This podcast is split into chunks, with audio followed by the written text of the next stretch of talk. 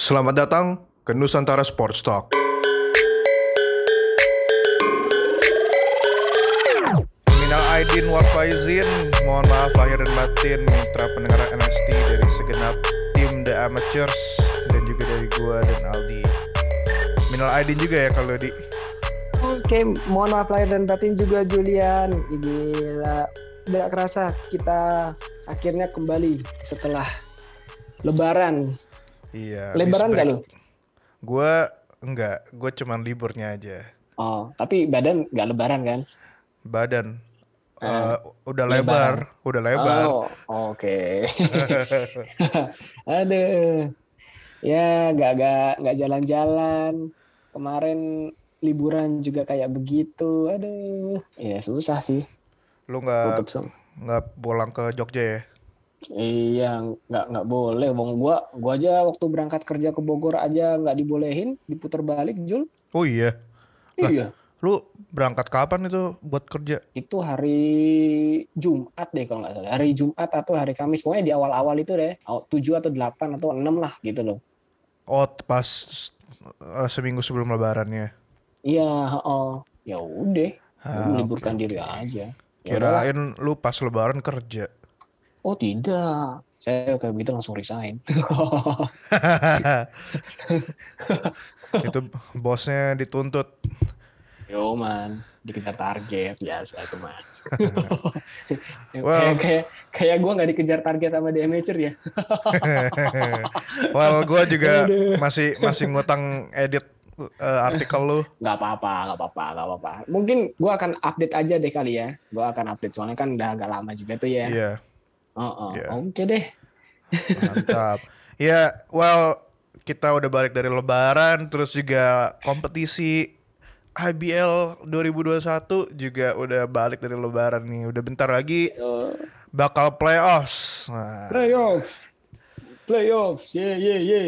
ya Tapi ini cepet juga tuh ntar tuh playoff tuh. iya Cuma seminggu kali. karena empat tim yang yang main di playoff, main di babak pertama. Louvre, Dewa United Surabaya, Bima Perkasa Jogja, Prawira Bandung sama West Bandit Solo. Wah.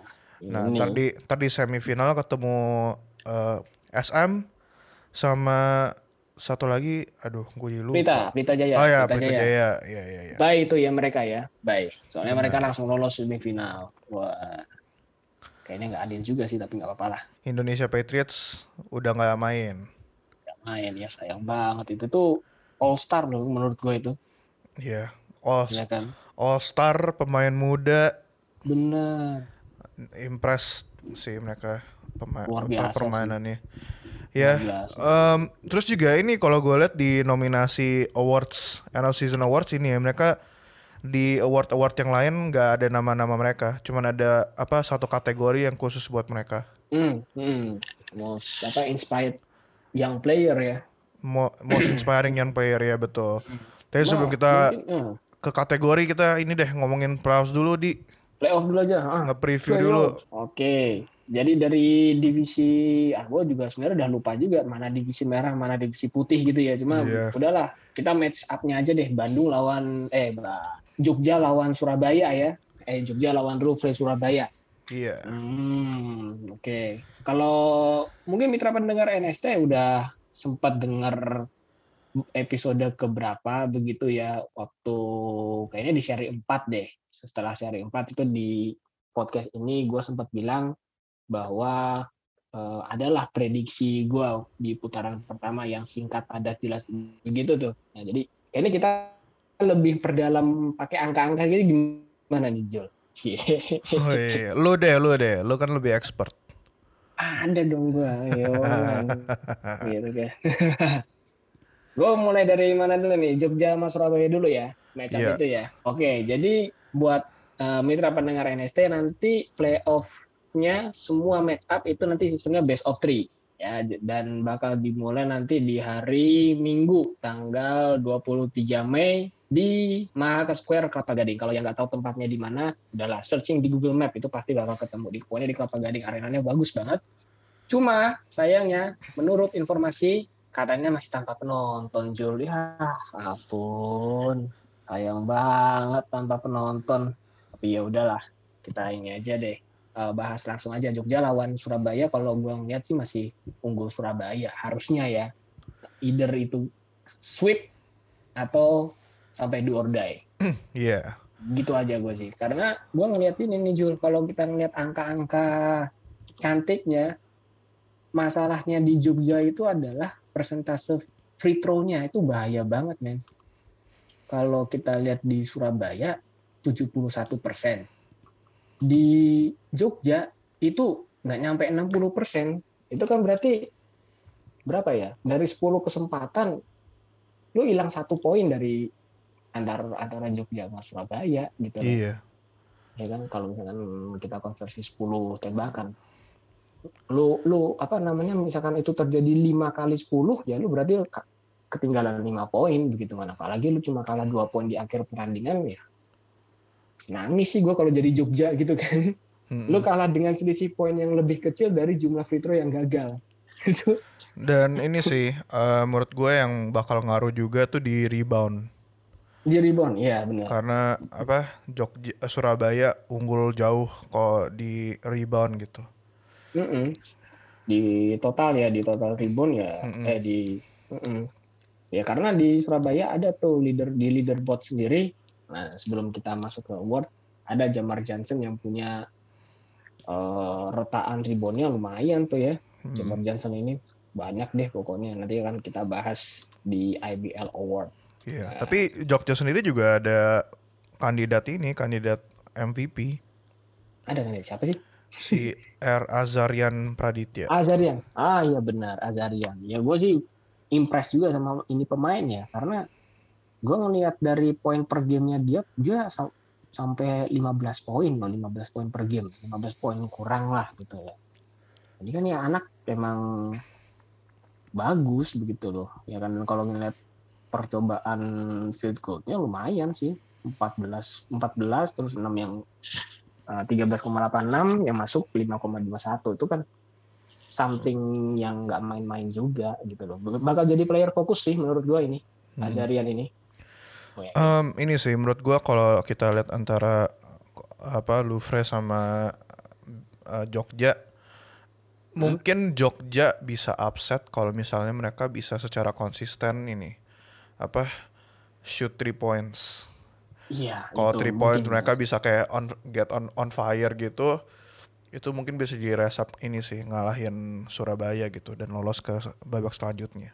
Iya, gue sih setuju banget nih kalau ngelihat season statistik secara regular season ya persentase tembakan tiga angkanya Jogja emang lebih bagus sebenarnya.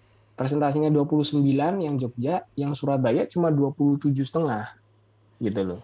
Iya. Cuma nah ini tadi ada kayak inilah ada aksi reaksi ketika three point lu nggak bagus maka lu habisin di pen area gitu loh dan di pen area ya Surabaya cukup dominan nah tinggal kita lihat aja nih kembali again free throw kalau gue sih masih ini ngerinya di free throw-nya Jogja sih mereka Hmm. gue yakin sekarang ini lagi latihan free throw sih iyalah Iya, Aduh, tapi oke. 58% jelek sih.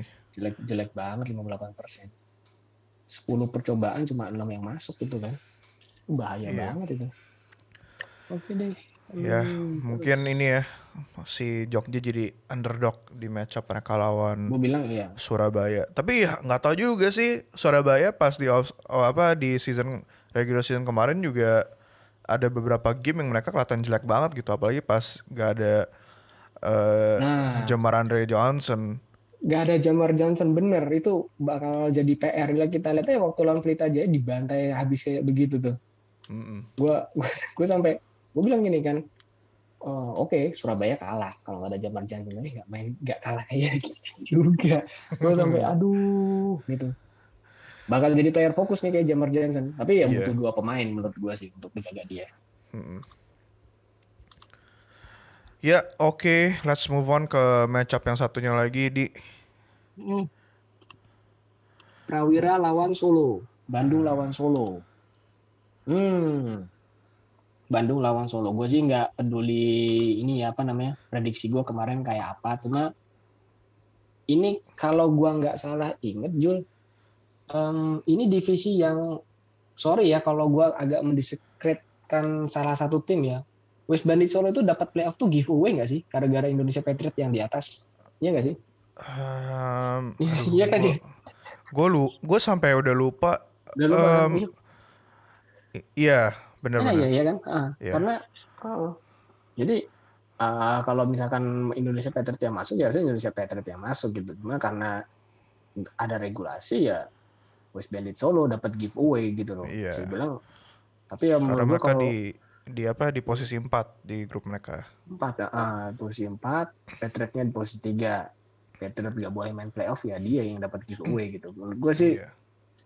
ya tetap aja kalau lu dapat giveaway ya lu bakal jadi bulan-bulanan sih menurut gua ya. Tapi Pak, aduh kalau ngomongnya nggak nggak bulan-bulanan kalah deh itu sih susah menurut gua sih tapi menurut lu mereka bakal menurut lu si Prawira Bandung yang bakal um, lebih unggul?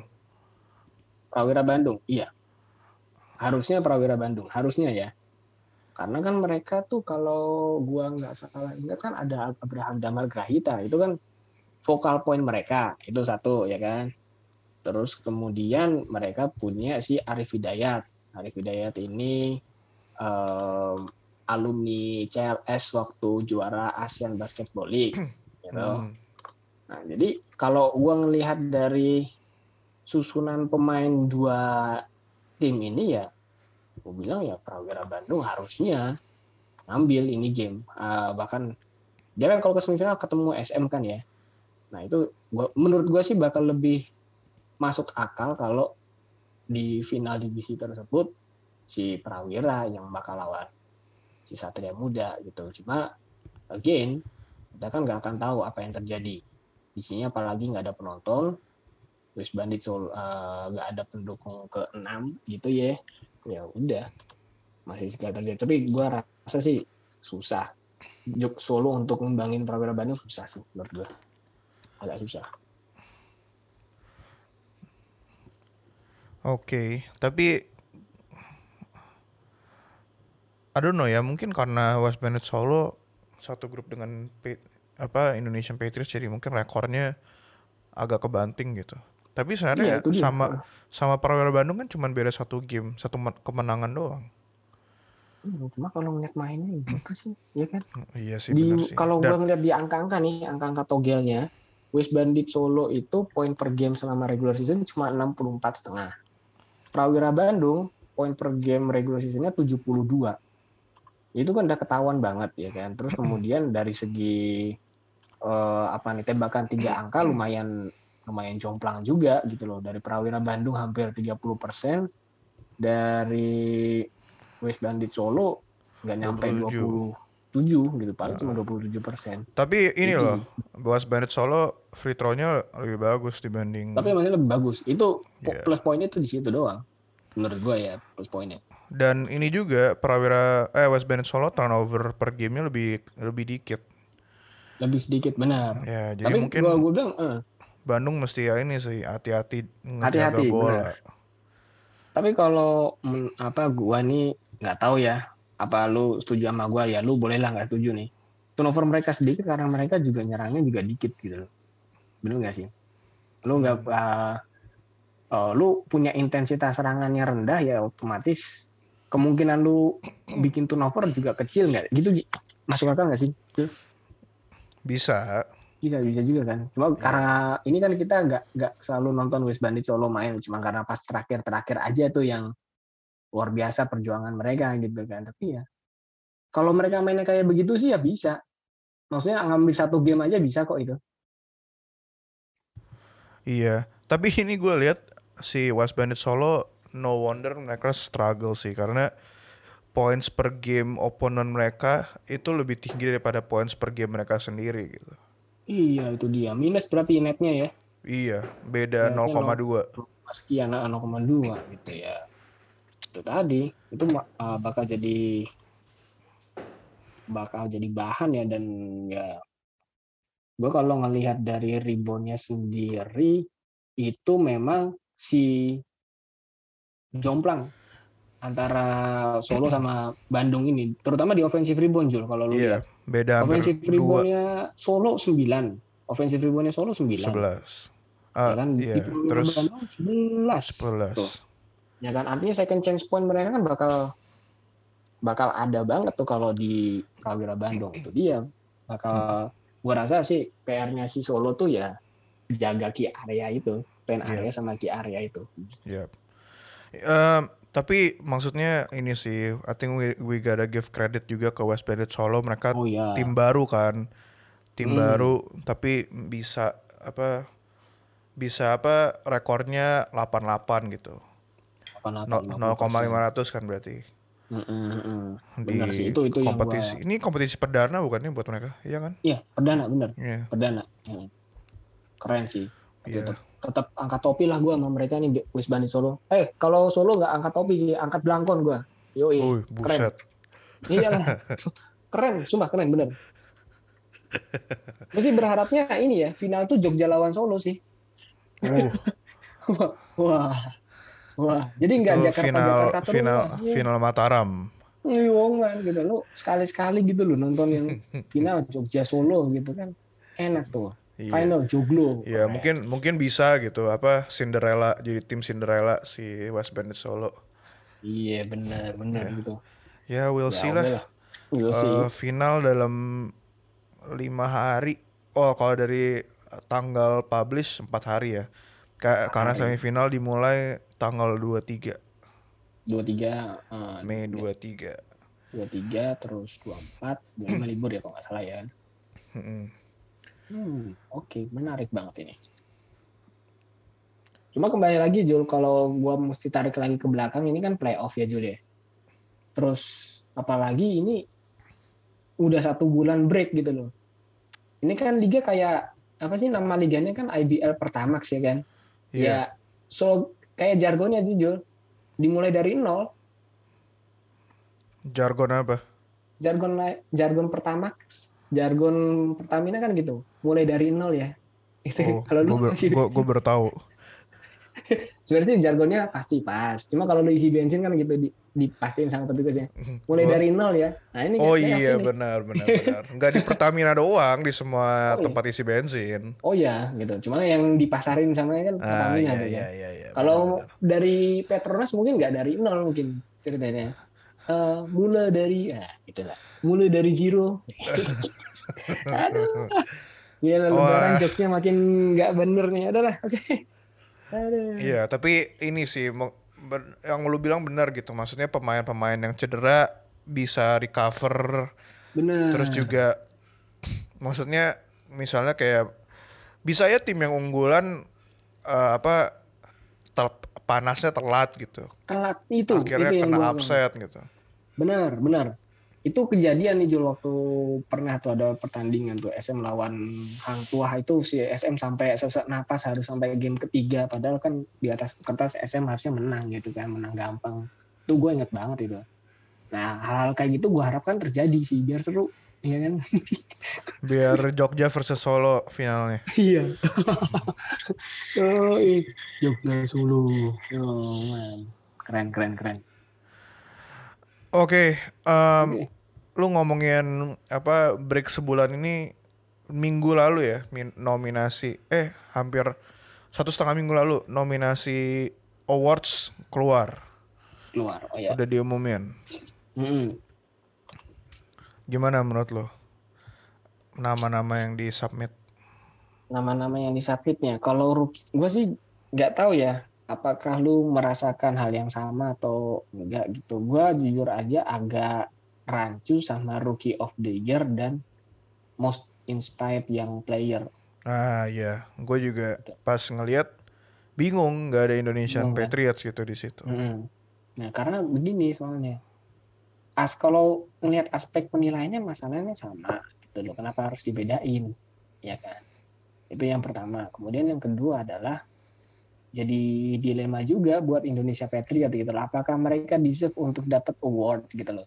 Karena masalahnya di sini adalah mereka kan kayak jago sendiri gitu loh. Kalau misalkan Rookie of the Year bisa aja Indonesia Patriot nominasinya ada 10 dari Indonesia Patriot bisa 6, bisa 5 gitu loh. Jadi kayak dilema. semuanya dari dari Indonesian Patriots Ah, bi- bisa kan? Itu bisa banget kejadian gitu loh. Mm.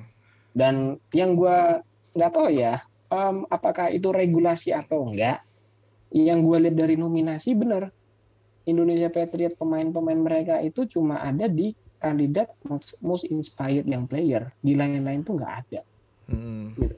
Harus kalau gue ngeliat sih harusnya defensive player ya harusnya ada satu dari Indonesia Patriot gitu loh. Tuh mereka masalahnya nggak apa pemain muda loh gitu loh. Ngelawan bapak-bapak yang profesional mereka masih bisa ngelawan. Gitu sih. Iya. Yeah. Um, I don't know man. Mungkin karena mereka hitungannya cuma ikut main kan mereka apa ya bisa dibilang kayak tim eksibisi gitu maksudnya mm -hmm. nggak masuk nggak masuk playoff iya, mungkin ya sih. biar kayak rookie-rookie di tim yang actually bakal masuk playoff tuh bisa dapat award juga gitu. Hmm, gitu. ya ya itu itu bisa sih, bisa juga benar sih. Ya lagi dilema ini kayak apa ya? Gue nggak tahu sih menjelaskannya gimana ya Julia ketika lo ada Indonesia Patriot dan ternyata performanya kayak begitu lo kayak bingung sendiri ini gue perlu masuk Indonesia Patriot atau enggak sih ah, gue perlu iya. ada ya kan akhirnya kayaknya sih feeling gue ya gue nggak mau menyalahkan atau apa most inspired yang player itu kayak hadiah giveaway sih ya yeah. Ya kan At least mereka direcognize lah tapi di benar dihargai lah gitu loh. Walaupun parameternya masalahnya sama gitu. well, at least inilah maksudnya kalau berpikir secara positif ya maksudnya kita juga biar bisa ini apa rookie rookie di tim lain tuh bisa dapat spotlight juga gitu karena nah. mungkin ya mungkin tim mereka rekornya dibanding Indonesian Patriots um, mungkin lebih lebih uh, apa lebih nggak bagus gitu. Tapi at least hmm. mereka Angkat bisa direcognize dan juga um, just because tim mereka nggak menang sebanyak Indonesia Patriots kan doesn't mean itu salah mereka gitu.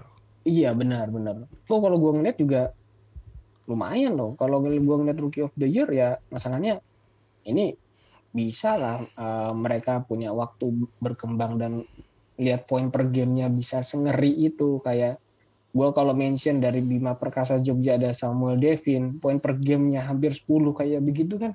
Ngeri juga men gitu loh. Nggak main-main juga ini pemain. Iya. Iya kan? Terus gue gue gue juga gini gue ada pikiran begini juga Jul. Um, ini kayak terapi supaya anak Indonesia Patriot itu nggak kena star syndrome. Menurut gue ah, ya. benar benar benar karena ya sekarang contoh soalnya gampang lah. Itu timnas U17 sepak bola juara Piala RT diarak sampai satu Indonesia. Begitu ikut Piala Asia kayak tempe gitu kan. Karena iya karena tempe, apa udah di ulukan di usia yang harusnya mereka belum belum belum layak dapatkan itu gitu. Jadi gue salut banget sih kalau misalkan kalau itu memang tujuannya ya gue salut banget gue angkat udah angkat topi, angkat belangkon, angkat apa lagi lah pokoknya ini progres yang mantap mantap betul lah gitu buat ini buat IBL begitu loh. Lu membentuk sebuah tim melalui sebuah award gitu loh. Iya. Yeah. Keren banget sih. Iya, yeah, I mean emang udah diumumin mau gimana, tapi at least jadinya nama-nama pemain ini nggak uh, nama-nama di nominasi Rookie of the Year nggak overshadowed gitu sama mm. yang pemain-pemain Indonesian Patriots dan lu bener juga biar keep mm. the players di Indonesia Patriots tetap humble gitu, tetap apa humble. hungry gitu buat iya, apa tetep, mm, bener, bener. biar bisa tetap terus apa develop themselves and play hard gitu. Mm. Tapi um, cepet aja di let's okay. Uh, discuss briefly tentang setiap kategori. Um, menurut lo nih Rookie of the Year bakal dimenangin sama siapa? Hmm, sulit ya.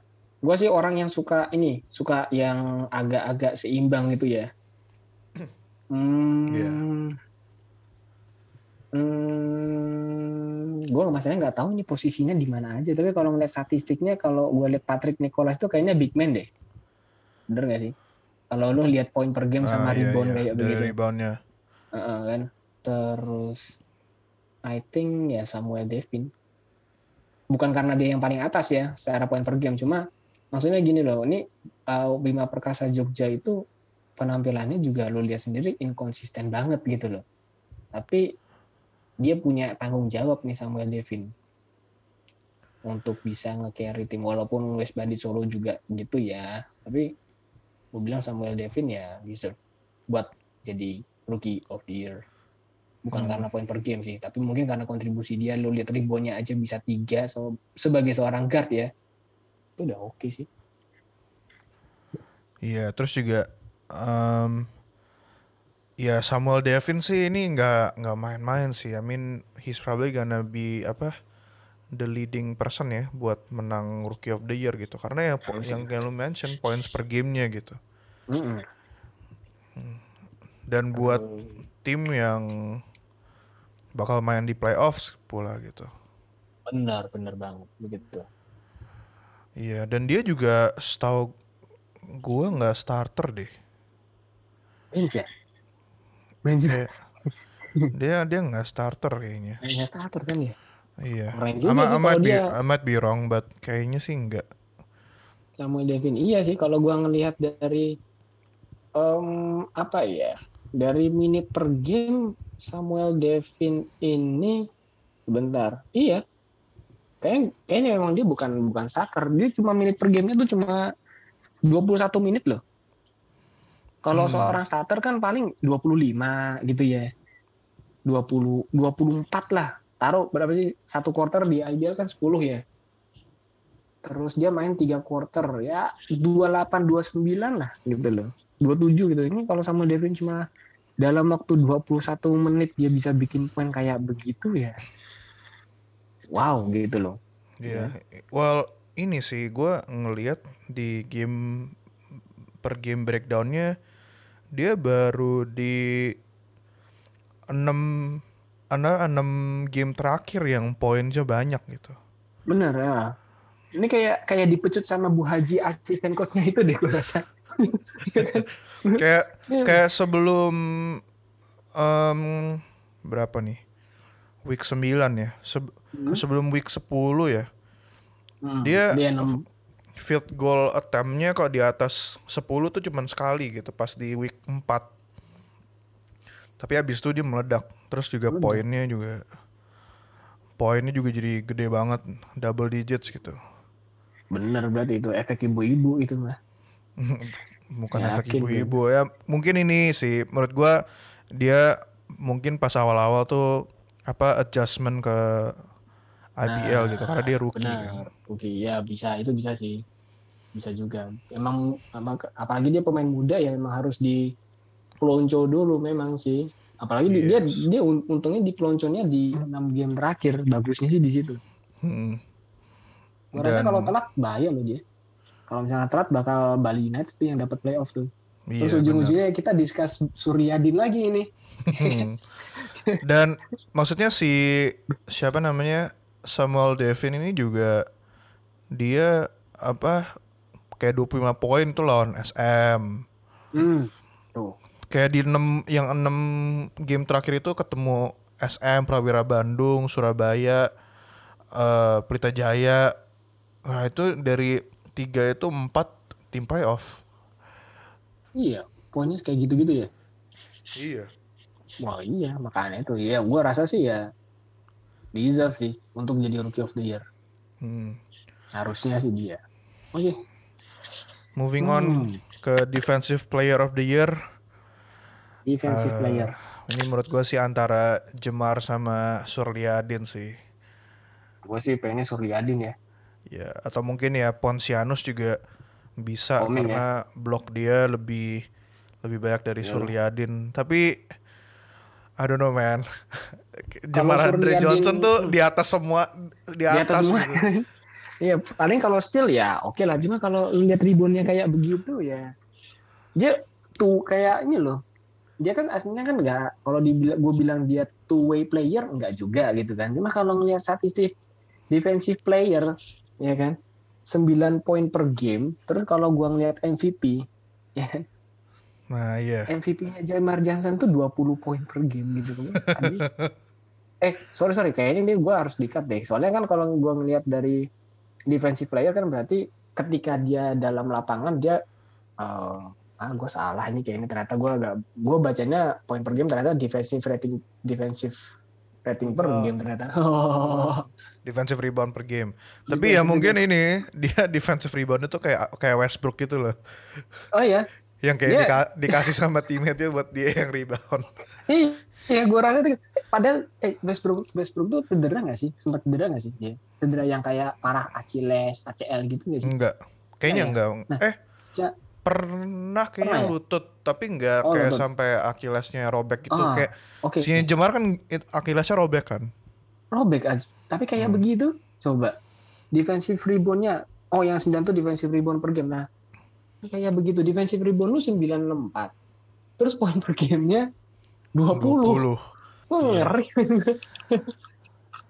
Aduh, Ya, ya, gue rasa sih ya kalau defensive player ya ya susah Kayaknya- juga sih ngelak kayak gini sih. Iya, karena dia yang paling apa? Paling rata gitu. Ya ada Pontianus tapi Pontianus juga defensive rebound per gamenya kan 4 di bawah Jemar Andre gitu. Susah sih. Ini Jemar Andre Johnson kayaknya kemungkinan bisa menang dua award tahun ini. Bisa.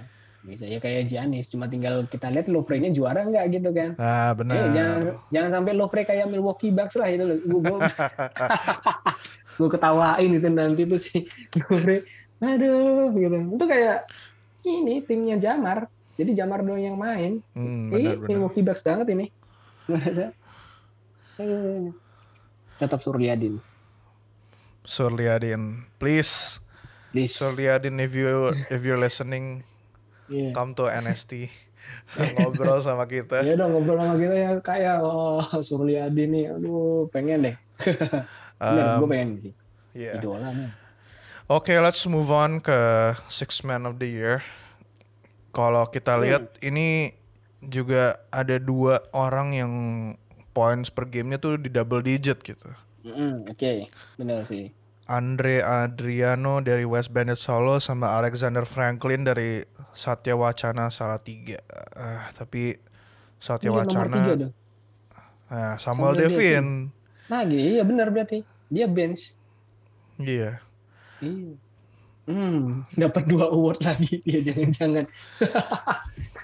Bi- bisa sih karena rebound dia juga lumayan lumayan oke gitu. Hmm. Gue ngeliatnya ini kayak Six Man of the Year ini ya posisinya kayaknya posisi small semua deh. Nggak Iya. sih? Tapi menurut Iya. gue bakal ini sih antara Samuel sama Andre, Andre sih, Andre Adriano karena dua-duanya mereka masuk playoffs kan. Hmm. Meanwhile Alexander Franklin walaupun dia kalau di points per game urutan 2 tapi tim dia rekornya nggak terlalu bagus kan. Iya, dia dia apa eh, daya dobrak Six Man of the Year itu mungkin you koreksi gue ya kalau misalnya gue salah. Dia adalah pemain cadangan yang bisa ngubah situasi gitu kan. Mm-mm. Sebenarnya kan yang dicari kan gitu ya. Gua rasa sih tanpa mengurangi rasa hormat ya Alexander Franklin kurang di situ ya karena Satya Wacana kurang Iya. nggak bisa masuk playoff gitu. Dan I mean bisa aja juga poin per gamenya gede karena dia baru main pas timnya udah ketinggalan jauh gitu. Benar. Benar itu bisa juga atau teman-temannya nggak perform itu juga bisa sih. Iya. Padahal di Satya Wacana ada sih Nuban itu. Ada pemain namanya Nuban. Oh dia bisa nggak ada ya tapi ya. Lu jago juga itu Nuban tapi ya udah lah gitu loh. Antara dua itu sih Andre Adriano sama Samuel Devin ini. Mm. Kalau mau fair sih ya Andre Adriano. Kalau mau fair. Kalau Tapi mau fair ya. kalau kalau mau seru Samuel Devin. Sama Devin. itu itu soalnya timnya tim Bima Perkasa itu kan di divisi yang sampai kita pantengin sampai hari terakhir gitu kan. Walaupun Iya. sorry banget tuh saya ya game terakhirnya Bima Perkasa Jogja seperti yang gua bahas di beberapa episode lalu dapat pertandingan giveaway lawan Pacific Caesar kan. Ya tapi maksudnya gini kita nggak bisa salahin jadwal juga gitu. You have to win every game gitu kan. Itu kan prinsipnya kayak begitu. Gue rasa ya har- harusnya sih bisa juga. Ya udahlah tergantung voting ya. Tergantung voting juga sih Iya. Kita nggak dapat hak sih soalnya nggak dapat. Iyalah siapa kita, bro. Anyway, let's move on Oke. ke most improved player. oh, most improved player. Oke, ini last season. Ini masalahnya kelipatannya Ini susah sih, bro. luar biasa sih ada yang kali lipat. Soalnya jujur aja Kayak- ya kalau gua gini nih apa ini em gua nggak tahu apakah ini ini gue pribadi ya Jul ya season kemarin tuh masalahnya nggak selesai. Hmm, Iya, benar. itu yang pertama makanya gua agak apa agak agak gimana dengan award ini gitu loh. Karena season nggak selesai dan maksudnya gini loh waktu gue inget banget di playoff gue waktu itu nonton di Surabaya bareng selingkuhan gue itu eh abis dari Surabaya kan gamenya kalau nggak salah di Malang eh di Jakarta harusnya tapi itu pindah ke Malang kalau gue nggak salah ingat akhirnya nggak jadi padahal kondisinya itu masih banyak timnya. Bisa masuk ke playoff gitu loh. Artinya bisa aja move improve player nominasinya nggak mereka berlima ini. Harusnya ya bisa bisa banget gitu loh. Cuma mungkin yang gue notice tuh si Agassi Gontara. Itu yang gue agak notice ya karena dia bukan nama asing dari bukan nama asing buat gue. Terus hmm, dia kayaknya ini deh. Seingat gue tuh alumni Stapak deh alumni Stapak waktu dia juara tahun 2019 ini kalau most improved player sih gue rasa agak kalau kita mau tebak-tebakan sih gue nggak berani ya. Karena itu tadi gue patokannya adalah season kemarin nggak selesai. Hmm. Tapi Nah, ini sih Kevin Moses dari Louvre signifikan banget jumpnya gitu. jamnya iya enam kali lipat begitu kan Iya. Points per gamenya, assist per gamenya, dan dia juga season ini dibanding pemain-pemain yang masuk jadi kandidat most improved player, minutes dia juga paling banyak gitu. 34 Benar, benar. menit. Probably Iya, gua- dia tangan kanannya Jamar Andre kali ya hitungannya gue di iya tangan kanannya Jamar Andre Jason kalau tangan kirinya kan udah dipakai buat ke toilet itu ya kan Iya kan Orang Tapi Amrik gua- gua- pakai tangan kanan kali, Bro. Enggak sih, nggak tahu sih. tangan kanan kirain gue pakai tisu doang gue kirain Iya, emang pakai tisu doang. oh pakai tangan kanan itu ya Nggak ta- nggak tahu. lu lu lu dibantu sama orang lu jangan-jangan lu Enggak, gua kan semprot. Anyway, ini oke uh, whatever. Um, ya, I think I think ini sih apa maksudnya um, paling impresif ya Kevin Moses tapi juga mungkin efek apa efek Season nggak selesai. kemarin nggak selesai. dan ya ya seperti gue bilang kalau misalkan last season itu kemarin season selesai mungkin lompatnya nggak segitu ya kan bisa aja tuh lompatnya paling cuma empat kali lipat atau tiga kali lipat bisa juga kita nggak tahu juga Oke, terus apalagi MVP. MVP I mean, antara dua nih antara Hmm. Jamar Andre Johnson atau I mean Arki Wisnu juga oke sih given his rebound ya. Hmm, Arki Wisnu, hmm, tua-tua jadi sih ini emang Ar- Arki Wisnu nih. Gua kalau misalkan podcast ini adalah podcast eh, yang eksplisit dan mungkin temen gue pernah mendengar apa yang gua katakan terhadap pemain ini, ya. Tapi gua di season ini juga harus angkat topi. Maksudnya gini, gue pernah ada nonton podcast eh, salah satu channel dan yang salah yang waktu itu ngomong adalah oke Dimas Muhari dia ini waktu season kemarin main di uh, Louvre Surabaya oke dia gini loh dia sampai bilang begini Arki itu gaya mainnya ketebak banget sebenarnya ketika Arki udah tangannya naik dia pasti drive itu pasti fake gitu loh. Nah cuma entah ini perasaan gua aja atau mungkin memang teman-teman mitra pendengar NST juga kalau yang nonton IBL melihat juga dia bermain lebih smart gitu loh. Artinya em, egonya dia itu berkurang banget satu ya kan? Karena kalau kalau lu lihat poin per gamesnya dia tuh dia salah satu yang paling kecil loh tuh kalau di MVP itu Iya. ya kan? Dia salah satu yang paling kecil terus eh, tapi dia menghead rebound gitu loh nge- nge-head reboundnya juga dan assist dia itu termasuk yang paling tinggi masalahnya Lu lihat. Benar. Kedua paling tinggi Azarian justru. 393 si Argi cuma tiga juga 38 gitu loh Hmm. artinya kan dia kalau misalkan kita convert ke NBA dia ini LeBron James gitu loh kalau di Lakers nih dia LeBron James Iya, ya kinda lah, kinda. kind of kind, kind of like kind of that kan jadi Iya. Gue bilang dia udah maksudnya dia tahu ini pemain muda-muda semua dan dia sorry itu saya sudah berumur ya lu kalau udah berumur ya juga mikir-mikir juga you have to play smarter gitu kan. You have to play clever gitu. Loh ya harusnya sih Arki. Menurut lu Arki? Harusnya Arki. Bisa? I mean mungkin ada orang yang bakal bilang undeserved, tapi kalau kita ngomongin intangibles-nya mungkin dia yang deserve it sih. Tapi Iya, mungkin kalau ngomongin importance to his team ya Jamar Andre Johnson sih. karena dia two way man Karena. Jamar Andre Johnson adalah Louvre. lu lihat tuh double double tuh cuma dia dong yang double double tuh Iya. ya tapi kalau gue sih berpikir gini whatever statistik apa yang lu dapat kalau tim lu ada di bawah ya itu nggak nggak nggak nggak nggak nolong sih menurut gue sih gitu ya kalau Hmm. ini prinsip prinsip gue sih makanya kenapa gue jagoin Arki itu gitu dia mungkin secara statistik rendah tapi dia ngangkat timnya gitu loh dia, dia, dia kan bapak dia kan bapak Pak Haji lah kalau gue bisa bisa bilang kayak begitu loh dia orang tua pemain-pemain SM gitu Um, Oke, let's move on ke Coach of the Year. Ya, Coach of the Year menurut gue David Singleton deserves it sih. Karena dia kan mesti sebenarnya coachnya bukan dia kan. harusnya bukan dia ya. Coachnya sebenarnya Carl Julius tapi karena dia um, dia di Taiwan nggak bisa terbang ke sini akhirnya David Singleton yang akhirnya mesti take in charge Bima Perkasa gitu dan akhirnya mereka masuk masuk playoffs kan.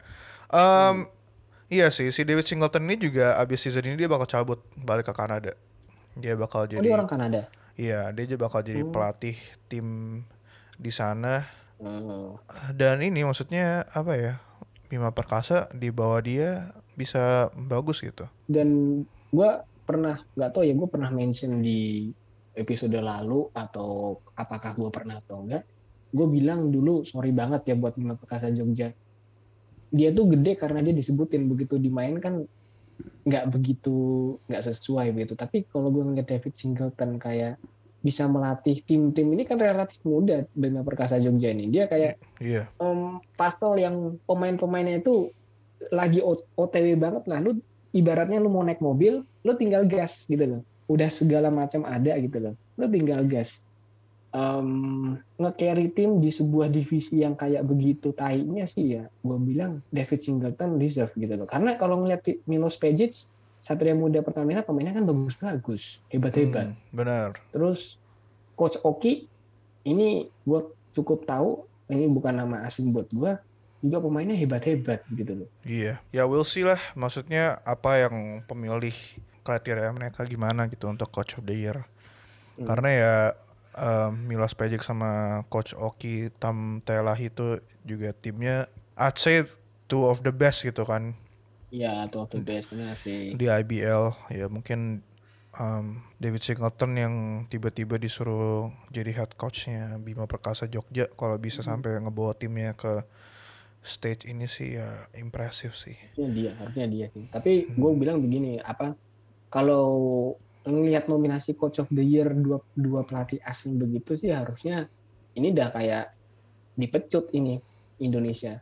Bahwa lu Indonesia kayak em, kalau dibilang kurang pelatih sih enggak ya kan. Cuma kalau seperti yang tadi gue bilang coach Oki ini kayaknya ini coach Oki ini bukan bukan nama asing buat gue gitu loh Em, Hmm. dia pernah ma- jadi pelatih buat Indonesia Warrior waktu Asian Basketball League waktu zaman gue SMA gitu. Dia kan udah lama banget gitu loh. Belum ada regenerasi yang inilah maksud gue. Jadi gue rasa dengan nama nama coach of the year kayak begitu sih udah saatnya makin banyak lah pelatih basket dari Indonesia bisa naik gitu loh. At least hmm, melatih tim kampus jadi batu lompatan sih menurut gue. Iya, let's move on ke most inspiring young player. Nah, ini yang diisi sama pemain pemain Indonesia Patriots. Hmm. Nama yang gua sering denger tuh Ali Bagir. Aduh, menurut lu siapa yang bakal dapat? Gue khawatir ini kan pemain muda ya. Heeh. Ya like I said before, takutnya bakal ada star syndrome sih. Menurut gue, ya ini kembali ini kayak award boom, award bom waktu gitu loh. Ketika lu menangin salah satu, ya antara pemain lain cemburu atau pemain yang dapat itu bakal naik down. Gue sih maunya ini most inspiring yang ini kan player nih, gue maunya players. lima limanya aja angkat begitu orang bagus-bagus men itu Iya. Ya, mereka bukan mereka bukan siapa-siapa nggak ada yang ngelirik mereka tapi mereka bisa ada di posisi playoff yang sebenarnya gitu loh gua, gua sih menurut gua ini harusnya semua deserve harusnya Iya. ya Yuda Saputra tapi harus- kelihatannya yang paling influensial sih. kalau hmm, kalau mesti pilih salah satu ya secara lihat asisnya melayaninya kayak begitu. Poin per gamenya juga dia luar biasa gitu kan. Untuk seorang guard dengan rebound per game 2,6 ya fine lah gitu loh. Iya. Em, ya we'll see lah eh, resultnya gimana di tanggal eh, 22 Mei. Bakal di umumin di website sama sosial medianya IBL jam 2 siang. Eh, we'll see seberapa akurat prediksi kita. ini salah sih tahu sendiri kan kita gimana Iya, ya nggak pernah on target. Anyway, em, ngomongin apa Indonesia Patriots, kalau di sepak bola timnas akhirnya udah saya training camp ya, udah mau bentar lagi mau uji coba. Alhamdulillahirobbil alamin Gue ini sih, may- maybe let's not talk about them for too long, tapi mereka bakal main minggu depan ya, tanggal 25 lawan Afghanistan. Ini sih, gue penasaran sama timnya Shin Taeyong bakal kayak gimana.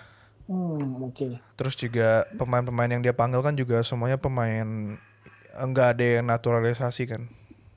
benar itu yang itu yang sebenarnya gini gue pernah lihat di salah satu Instagram siapa pun itu eh ada satu pemain sih namanya Arthur Irawan. Eh Ah, aja. itu banyak diprotes karena menit bermainnya nggak banyak tapi kok dia bisa masuk kayak begitu ya kan? Tapi pada akhirnya ujung-ujungnya kan ini dia nggak masuk ya.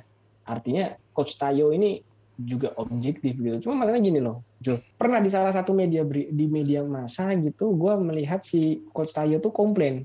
Dan komplainnya itu adalah komplain yang sama dengan coach Lu- Luis Milla. Tau nggak komplainnya apa? Pemain timnas mesti diajarin cara passing. Itu Ah, iya, menurut iya. gua aduh gitu loh. Maksudnya Luis Milla 2017 sekarang 2021 empat tahun ngapain? Itu sih. Hmm. walaupun gua walau misalkan gua di situ gua belum tentu tapi halo assalamualaikum gitu loh. Tapi ini sih, I think coach Shin Taeyong ini maksudnya ya yang lu bilang dia objektif dalam menilai pemain dan juga mungkin walaupun di di level klub se- sering di nyinyir gitu sama penonton tapi dia open gitu untuk nge-evaluate pemain itu. Nggak cuman karena oh di klub eh, pe- performance yang nggak terlalu bagus ya udah langsung nggak panggil gitu. Tapi dia mau dia masih open untuk kayak panggil ke training camp supaya mereka bisa bisa dia bisa lihat sendiri eh, terus baru eh, ngambil keputusan dari penilaian tersebut gitu which is I think ya given performance timnas Indonesia be- Hmm. eh, sel- selama ini ya it's not a bad way to do things gitu menurut gue maksudnya Hmm. kalau untuk skemanya dia pemain itu cocok ya kenapa nggak dipanggil gitu? Apa nggak dipanggil? Benar benar. Itulah pelatih nas- timnas itu memang udah nggak lagi melihat nama gitu kan. Lu harus lihat skill potensi visi bermain kalau yang sekarang itu tambah satu tuh. Nah mungkin beberapa pemain yang out dari skillnya dia itu matinya di situ nggak ada visi. Karena ini nggak gue nggak nyinyir. Gue lihat banyak komplain dari uh, domba-domba gue kancil-kancil gue itu bilang bahwa lari doang pemain Indonesia. Strateginya mereka cuma dua. Lari kenceng tendang keras. Udah orang sih itu jadi em, itu yang dilihat sama coach Tayo ini. Gue manggilnya coach Tayo eh, bahwa percuma lu punya nama tapi lu nggak punya visi. Karena ya ini adalah perkembangan sepak bola sekarang.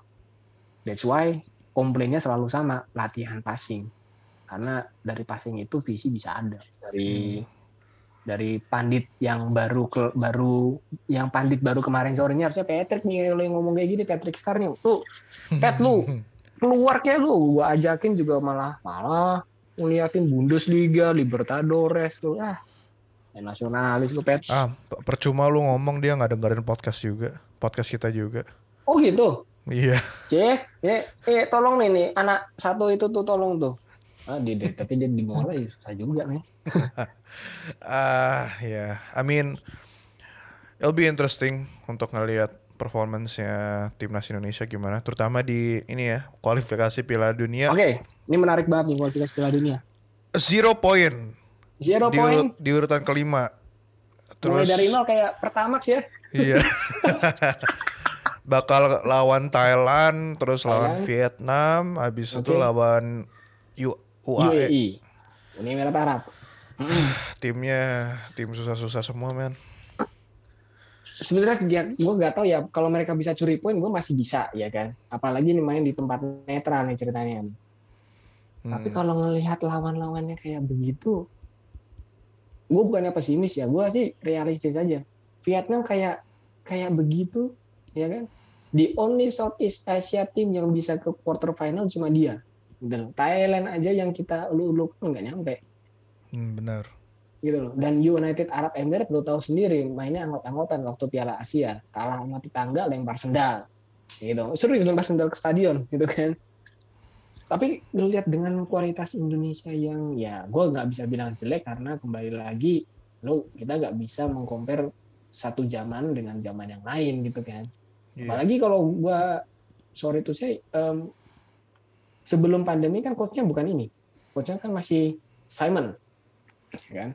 Iya. Artinya ya kita nggak bisa mengadili si coach Tayo ini kalau misalkan tiga-tiganya kalah kita bilang Tayo out itu adalah seruan yang menurut gua paling bodoh sih. Kelihatan banget. Rendah banget sih menurut gua edukasi penonton Indonesia kalau sampai kayak begitu ya. Gue berani aja ngomong kayak begitu. I agree. Maksudnya every coaches mesti dikasih ini sih, dikasih apa? Kesabaran Waktu. sih dan waktu. bener lo kalau misalkan apa nggak mau kalahan ya lu lawan tim Buktu Mariana Vanuatu itu pasti menangan lo dapat piala segede gaban gue jadi emosi ya baru, baru lebaran gue udah emosi nih Ya, I mean kita look forward aja ke match up-nya minggu depan. Hmm. Um, I think that's it man buat episode kita Hmm. hari ini. Um, jangan lupa follow kita di Medium buat ngebaca konten-konten Yes. tulis The Amateurs. Terus juga follow kita di Instagram at The Amateurs ID. Terus juga kita di Twitter The Amateurs ID. Nah, follow Yeah. kita di sosmed-sosmed itu buat tahu updates dari Nusantara Sports Talk sama The Amateurs. Oke, itu aja di. Yo, Thank you mitra pendengar NST udah dengerin episode hari ini.